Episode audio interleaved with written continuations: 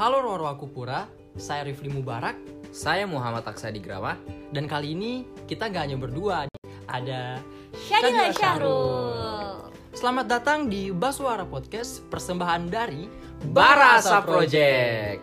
Yeay, so kemarin pasti teman-teman dari Barasa sudah dengar kan podcast kita yang sebelumnya Yaitu yang bertepatan dengan Sumpah Pemuda Dan sekarang kita kembali lagi di podcast Bersuara episode 2 Dan teman-teman kita hari ini mau bahas apa nih? Kali ini kita mau bahas tentang apa yang kita alami saat ini ya. Jadi kayak eh, membahas tentang virtual eh, virtual activities, kegiatan-kegiatan yang dilakukan secara daring yang kadang membuat kita dilema tentang makna produktivitas dalam misalnya dalam pembelajaran online atau kegiatan-kegiatan yang semuanya diselenggarakan secara virtual. Jadi kira-kira bagaimana sih apakah ini sebuah tantangan atau justru sebuah keuntungan yang bisa dimanfaatkan karena kita ikut kegiatan bisa di mana pun dan kapan pun ya. Bener Jadi, banget. Kegiatan internasional gratis. Gratis dan banyak Dan- banget yang uh, off- Uh, uh. online ya Walaupun penyelenggara itu di negara mana pun seperti itu. Jadi Iya sih. sangat aksesibel. Sebenarnya relate juga sih dengan tahun lalu kemarin kan dan bahkan sampai saat ini juga kan kita masih virtual, masih apa-apa. Tidak pernah menyangka kan selama ini ya teman-teman. Heeh, jadi Bener banget apa ya? eh, mungkin ini jadi suatu pembahasan yang cukup menarik kalau kita eh, diskusi bareng-bareng. Bener banget nih dan kita kan udah tahu ya kalau misalnya daring ini masih agak lumayan lama nih sampai Mm. beberapa bulan ke depan karena emang kasus covid ini nggak turun-turun ya Iya. dan eh, teman-teman ini di kampusnya masih daring kan juga Masih. Iya, iya. Masih Dan ya. wacananya emang eh, bulan eh semester genap ini semuanya itu masih tetap daring kan? Mm-mm, sama-sama saya juga pun begitu dan ada nggak sih pengalaman-pengalaman unik selama virtual learning di kampusnya masing-masing eh di rumahnya masing-masing Hmm. Oh, tentu sih karena waktu apa eh, kemarin ya bel- dari tahun kemarin tuh pengalaman unik tentang daring itu pasti ada. Kayak misalnya kita lagi eh, kuliah dengan dosen atau lagi ikut kegiatan tertentu, terus tiba-tiba misalnya orang tua panggil Mm-mm. Nah itu jadi kan kelihatannya kayak kita itu di, berada di dua sisi kehidupan yang berbeda. Eh, benar banget sih, Jadi sepakat, sepakat. berada di satu sisi yang di kehidupan virtual, Mm-mm. satu sisi pun kita di, dihadapi juga dengan situasi saat ini yang kehidupan nyata. Jadi kadang-kadang tuh kalau misalnya kayak lagi kuliah online atau lagi ikut kegiatan tertentu lewat daring. Nah, biasa tuh kayak misalnya dipanggil orang tua atau ada kejadian apalah di sekitar kita. Nah, itu kan pasti kita kayak serba bingung gitu begitu. Iya, Jadi kalau eh, saya secara pribadi sih hal menariknya itu sih. Kadang-kadang Mm. membaginya itu ya rada rada ribet. masih beradaptasi ya Mm-mm, dan Kalau- iya sih dan pasti semua orang juga pasti ya mengalami begitu hal yang juga. sama kalau Rifli gimana Kalau saya pribadi sih, aku pribadi eh, apa ya? Kadang sebuah dilema buat aku sendiri kalau misalnya kuliah online kita banyak yang off cam, on cam gitu. Jadi itu Oh, sebatas eh, sebatas apa ya?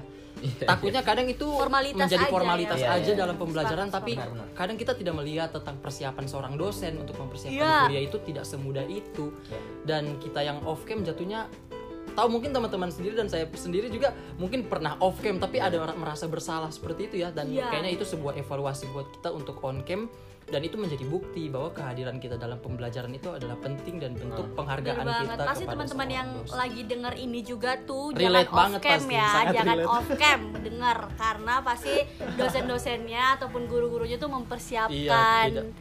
Tapi saya juga beberapa kali off cam sih Iya. jujur karena ya biasa Mm-mm. badan saya itu sudah capek Iya, sekali iya, dan saya butuh butuh mengistirahatkan dengan berbaring kan nggak mungkin kan di depan dosen terus tiba-tiba baring jadi ya mau nggak mau harus off cam Iya mata di screen laptop itu Iya, tiap lelah hari juga itu kan. Jadi- masalah juga Nah, ya iya, sebenarnya emang lebih apa nggak nggak tahu sih kalau ini saya pribadi sih jujur lebih lebih capek eh, online online, Oke. lebih capek online. Soalnya kan berjam-jam di depan laptop, di depan HP dan duduk. Nah, itu kan kadang-kadang juga bertabrakan dengan kegiatan lain. Habis Iya. ini ada sambung-sambung. Nah, itu kan Iya, Iya, saat- iya, soalnya kalau misalnya ini semuanya dilaksanakan online kayak nggak ada jedanya. Ah, ah. Biasanya kalau di kampus itu kan misalnya kita masuk jam 2 sampai dengan jam 3 Mm-mm. kan. Itu ada jeda misalnya satu jam atau setengah Hmm. jam baru gabung lagi kan di Iya. kelas berikutnya. Tapi kalau online jam 2 sampai jam 3, jam 3 teng ada lagi kan. Iya, habis-habis. bener-bener Jadi nggak ada istirahat. mungkin Istirahat. mungkin juga orang kayak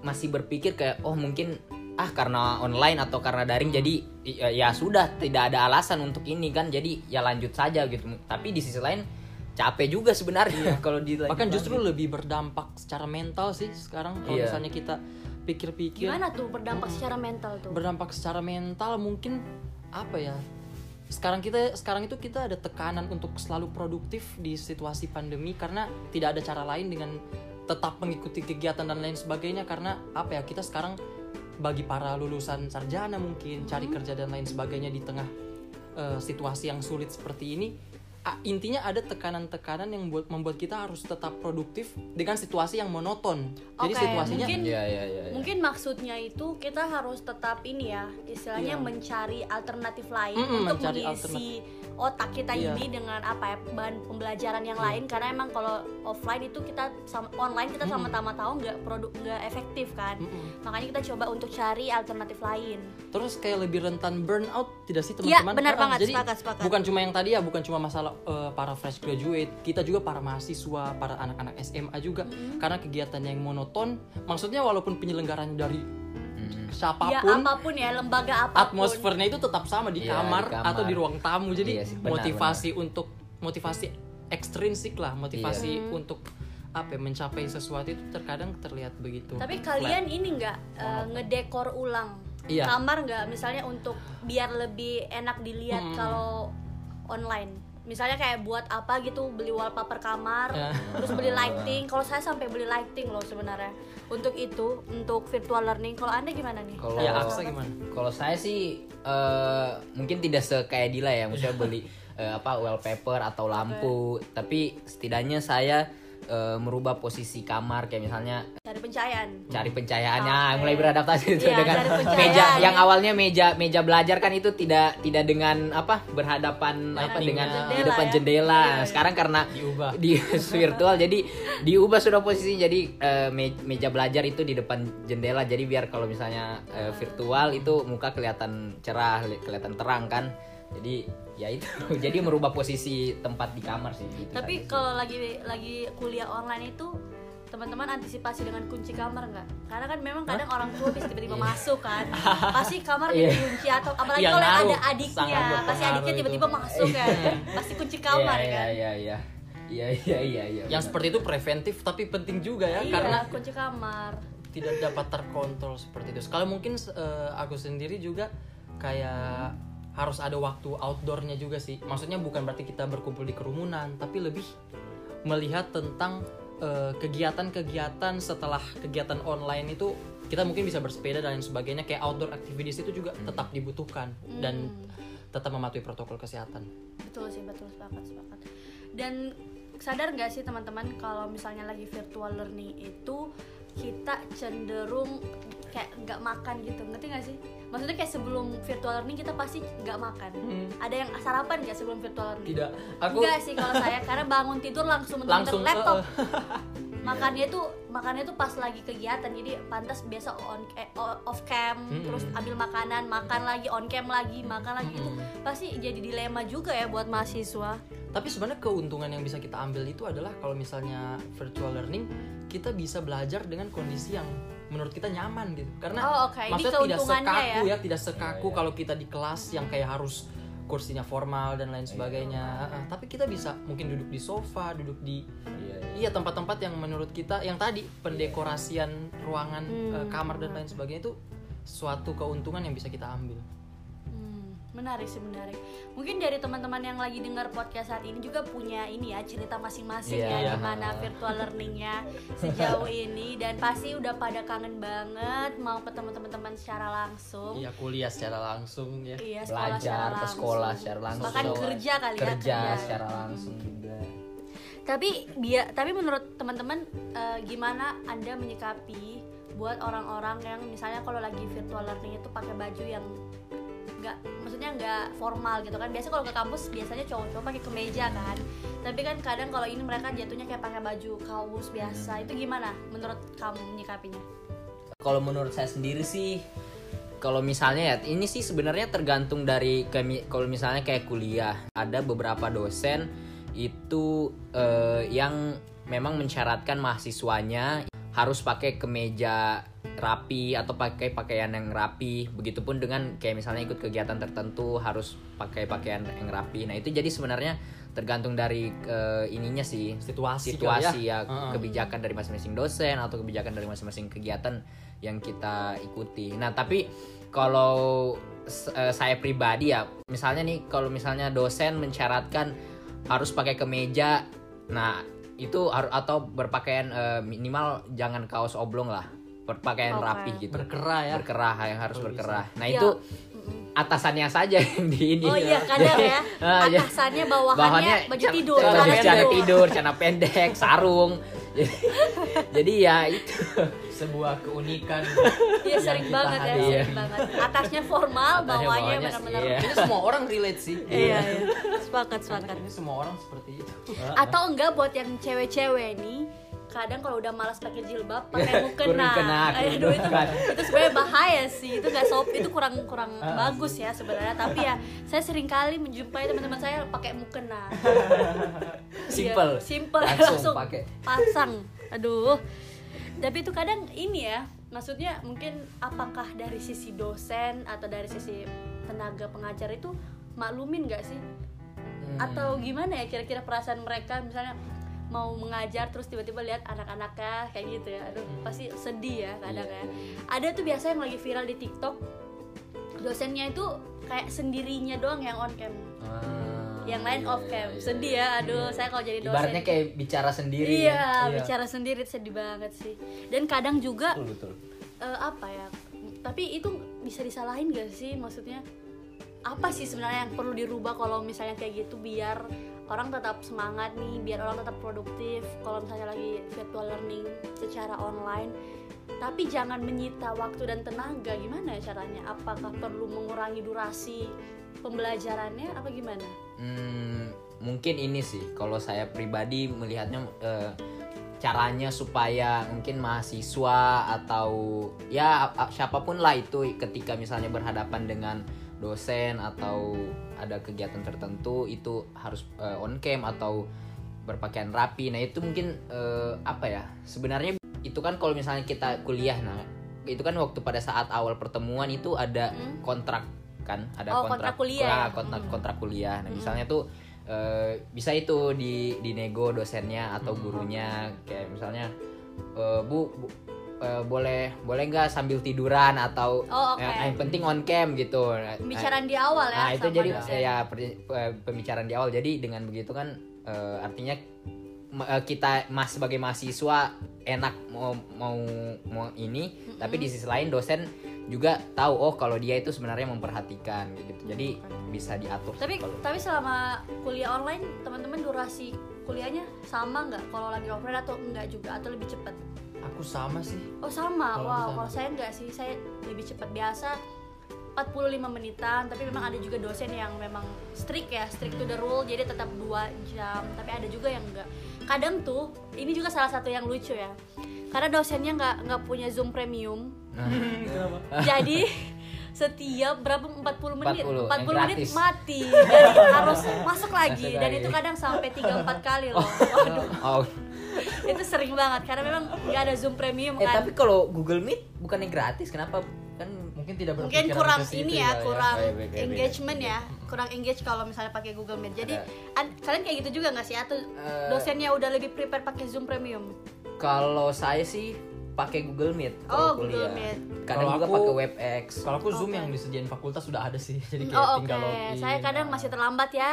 Jadi kayak beberapa kali itu kalau 40 menit mati. Jadi selalu 30 menit bela- belajar, 10 menitnya peringatan. Pak, sebentar lagi nih 10 menit udah mau mati siap-siap ya. Closing Ulang lagi. Ya Allah. Bervariasi sih tantangan Iya, jadi kalau kalau kayak di kampusku tuh kan eh, semua kan kayak ada mahasiswa ada akun Google-nya. Oh oke Nah, akun emailnya. Nah, jadi siapa yang yang bisa memasuki itu ya yang hanya punya akun Google apa punya akun email dari kampusnya itu jadi oh oke ada domain sendirinya Ah, ya? ada domain sendiri. Iya, jadi a- artinya kalau misalnya dosennya hanya mensyaratkan oh misalnya email ini aja yang yang boleh ma- bisa masuk gitu. Jadi eh, hanya itu email itu saja, email dari kampus saja yang oke yang bisa masuk. kalau Rifli gimana Rifli Aku juga eh, udah ada Zoom di fakultas, jadi kita tinggal login, tinggal login ke Zoom meeting itu. Mm-mm. Jadi memang sudah terstruktur sih dan sudah dikoordinasikan dari pihak fakultas. Cuma kalau tadi berkaitan dengan individu eh, tentang off cam dan on cam, Mm-mm. sebenarnya ini apa ya? Kita tidak pernah meminta pandemi ini terjadi dan Mm-mm. eh, mengubah efektivitas dari pembelajaran itu untuk untuk dapat tersampaikan ke pikiran otak kita masing-masing itu itu rasanya sulit karena sebenarnya kalau dipikir-pikir ini tergantung pribadi juga jadi kayak lebih tanggung jawab tanggung jawab Iya. moral sih tentang Integritas eh, aja ya. tentang respect kita Iya, ke betul. orang yang menyampaikan materi dan lain kalau memang misalnya kita niatnya mau belajar, mau cari ilmu, ya Offline Pasti akan tetap offline. pasti bangun akan tetap gitu. bangun, akan Akan tetap mendengar. memperhatikan daripada mungkin kita pikir iya sudah bayar mahal-mahal UKT tapi ujung-ujungnya cuman matikan kamera terus balik lagi tidur itu kan rugi kan terus rasa tidak sih kalau misalnya mungkin kita merasa terlalu paling yang yang menderita misalnya mungkin Oh, oke. tapi kayak kita tidak bisa menggeneralisasikan perasaan ka- perasaan kamu misalnya karena Iya, semua orang itu mengalami kebosanan yang sama Iya. Oh, oke. jadi kayak oke. Eh, itu tidak Jadi semua maksudnya Mm-mm. jangan jadi orang yang Paling merasa jadi paling korban menderita, ya. iya, betul, betul, Karena betul. semua teman kamu Semua- tuh harus berhadapan dengan hal yang sama, benar juga itu, sih sepakat. gitu. Kalian punya satu temen nggak sih yang selalu mengeluh, bu jaringan bu jaringan, tapi aktif di sosial media, aktif Instagram, aktif WhatsApp, tapi selalu ngeluh kalau kuliah. Bu jaringan bu, Ah, Ada ya, saya ada pasti, banyak malah aku saya ada sih gitu. Ah, entahlah kalau saya mungkin belum dapat sih teman saya kayak aku ada, aku ada. tapi itu kadang saya mau kasih tahu ke dosennya bu dia ini bohong bu. Tapi ya nggak apa-apa lah orang bertanggung jawab atas dirinya Iya, masing-masing aja lah ya. Iya. dan ya banyak banget sih sebenarnya kayak kendala-kendala ya kalau virtual learning ini. Tapi Hmm. kayak saran aku mending kalau misalnya virtual learning itu dibawa fun aja. Misalnya kayak belajar dulu lebih dulu kan. Jadi kayak pas kuliahnya ya sisa bertanya sama Hmm. dosen biar nggak terlalu menyita waktu dengerin materi. Karena kalau emang dengerin materi aja ya emang mau nggak mau harus bosan kan. Pasti bosan bukan harus bosan pasti bosan. Dan bisa diantisipasi dengan sering-sering apa ya eh, engage sama dosennya dan juga untuk dosen-dosen nih yang mungkin yang lagi denger sering-sering lah. Habis Iya. ngobrol tanya lah mahasiswanya lah ya. Jangan ngomong sendiri. Mungkin kita mewakili seba- iya. Sebagian sebagian representasi. perasaan dari mahasiswa-mahasiswa. Iya biasa ada dosen yang ngomong terus. Kayak 30 menit ngomong terus kita yang dengerin juga, juga bosan kan. Jadi jadi lebih partisipatif mungkin iya jadi. engage ya. Tanya-tanya gimana ini jam menurut kamu gimana ini? Biar kita ya enak juga Ada kan. dua arah kan dua arah. dua udah on, udah online terus nggak dua arah ya fix nggak terima apa pun kasihan juga. Hmm, Tapi kalau saya pribadi sih mau sebagaimanapun online tetap sih nggak ada yang eh, tidak ada yang bisa mengalahkan oke ef- experience. ef- efektivitasnya rasanya berkuliah tatap muka itu. iya sih saya Hmm. juga. Karena mau nggak mau kalau ketemu langsung ya kita socialize Hmm, iya. kan ya kita sosialisasi eh sosialisasi kita bersosial Bersosialisasi. Iya, Ah, bersosial, ya. bersosialisasi apa sih Terus sadar tidak sih kalau misalnya kita kuliah offline yang luring, kita akan apa ya secara otomatis berkomunikasi dengan orang itu setiap hari. Iya. Kalau Oke. misalnya kita berkomunikasi setiap hari, selalu ada hal baru Iya, iya, iya. yang Iya. kita dapatkan dari Iya, iya. percakapan itu. Tapi kalau misalnya online, Heeh. apa ya? eh, Iya iya iya. ya udah ketemu di situ Iya, aja iya, gitu Itu- aja. Jadi kayak terkadang pertukaran pengetahuan antar iya. individu itu palingan kalau mau menurun drastis sih menurut kalau aku. mau ngechat aja palingan private chat Iya. Ta- itu pun takut ditahu dosen kan Pokoknya seperti itu, itu sebenarnya relatif sih teman-teman. Jadi tergantung dari kitanya juga situasinya seperti apa. Ngomong-ngomong nih ya kita tadi udah bahas banyak banget terkait kendala-kendala Iya. ya tapi pasti ada ada plus minusnya dan gini gimana kalau kita kasih saran-saran juga gimana agar virtual learningnya bisa lebih efektif Iya. Mungkin bisa dimulai dari Aksa dulu. Salah satu tips aja yang paling buat kamu nyaman selama virtual learning biar teman-teman bisa ikutin. Gimana tuh Aksa? Eh, mungkin kalau tips eh, saran dari aku ya mungkin buat eh, buat teman-teman yang nanti juga eh, di semester genap bakal eh, virtual juga bakal daring lagi kuliahnya sekolahnya belajarnya.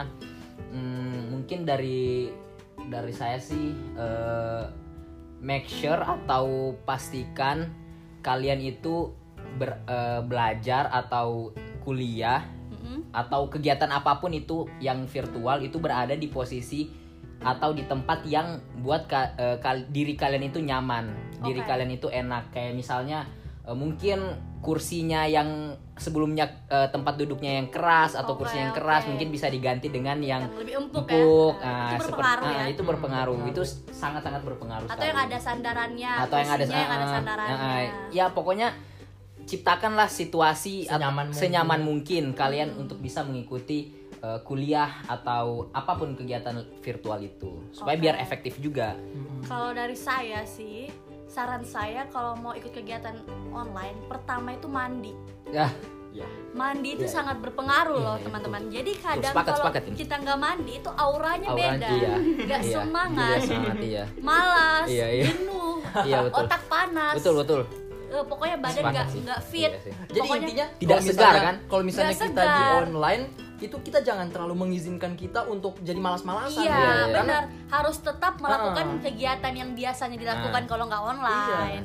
Jadi abis itu mandi dan pakai baju terbaik karena itu Iya. akan meningkatkan Iya. mood. Mm-mm. Kalau Betul, dari betul, Rifli betul. gimana? Kalau aku sih lebih ke prinsip tentang kalau misalnya kita kuliah online, kegiatan online, itu sebenarnya sadar sih teman-teman lebih banyak keuntungan kegiatan Hmm. daripada kita ikut offline gitu. Karena kayak Hmm. tanpa batas waktu dan tempat kita bisa mengikuti webinar, bisa mengikuti Oke, ini dan ya, itu. Jadi opportunity ya. itu akan semakin banyak Ya, gitu. Jadi semakin terbuka luas. ya. jadi bahkan kegiatan internasional tanpa kita harus ke negara sana Iya, atau mungkin kuliah daring, Iya. kuliah daring dari universitas-universitas yang hebat, Hmm. itu kita akses aksesibilitas itu lebih Mm, mm, mm. terjangkau gitu. Dari World Bank mungkin juga ada. Mm-mm. Dan Mungkin dan secara tidak langsung sadar tidak sih kalau misalnya waktu pada saat pandemi pertama kali menyerang itu kayak seakan-akan tiba-tiba tuh langsung banyak seminar, webinar, langsung iya. banyak. Jadi Live Instagram, live Instagram, podcast, podcast, Oh, wih, ya. itu kayak langsung banyak sekali bermunculan oportunis. Mungkin lebih ke penekanan sih buat teman-teman pendengar juga buat kita juga ya Iya, tentang kita jangan juga. jangan apa ya skip skip di Ya. skip aja itu kegiatan-kegiatan Iya, iya. yang banyak itu karena karena sayang sekali ya Sayang banyak sekali. peluang, opportunity tapi tidak bisa dimanfaatkan. Berarti tadi dari Rifli itu kayak di ini lagi ya, dikuatkan lagi tekadnya Mm-mm, ya, dan motivasi motivasinya kita. Iya. biar apa pun Mm-mm. kondisinya tetap semangat kan. Kita Dan mm-mm. satu lagi Nah, apa nih makan sebelum Iya, kegiatan makan, karena iya. makan itu waduh kalau perut Iya. kosong semuanya gak jalan. iya, jalan. kebutuhan primer itu tetap tetap di Iya, Utamakan. diutamakan sih. Kayak bener banget. Dan ya kita udah bahas banyak banget ya buat teman-teman yang lagi denger. Em, mungkin itu aja dulu. Mhm. Kita akan ketemu lagi nih di episode selanjutnya dan jangan lupa untuk follow Instagramnya Bara Asa @baraasa titik project karena kita akan bagiin banyak informasi dan ke depannya Insya Allah Dan di tahun 2021 kita bakalan lebih aktif dan lebih produktif Yap. lagi nih. ya dan ada sesuatu yang baru pastinya ya Iya teman-teman dong. Dan Semoga Bara Asa akan terus progresif, Ya. bisa menjadi Amin, jembatan amin. penghubung buat teman-teman di kota Palu Ya. dengan orang-orang hebat lainnya yang bisa menjaring koneksi dan menciptakan pembelajaran yang konstruktif bagi kita semua. Bener Amin. banget, amin. Amin. So, saya Syadila Syarul, Saya Rifli Mubarak, dan saya Muhammad Aksadigawa. pamit undur diri. See you. sampai jumpa di kegiatan podcast berikutnya.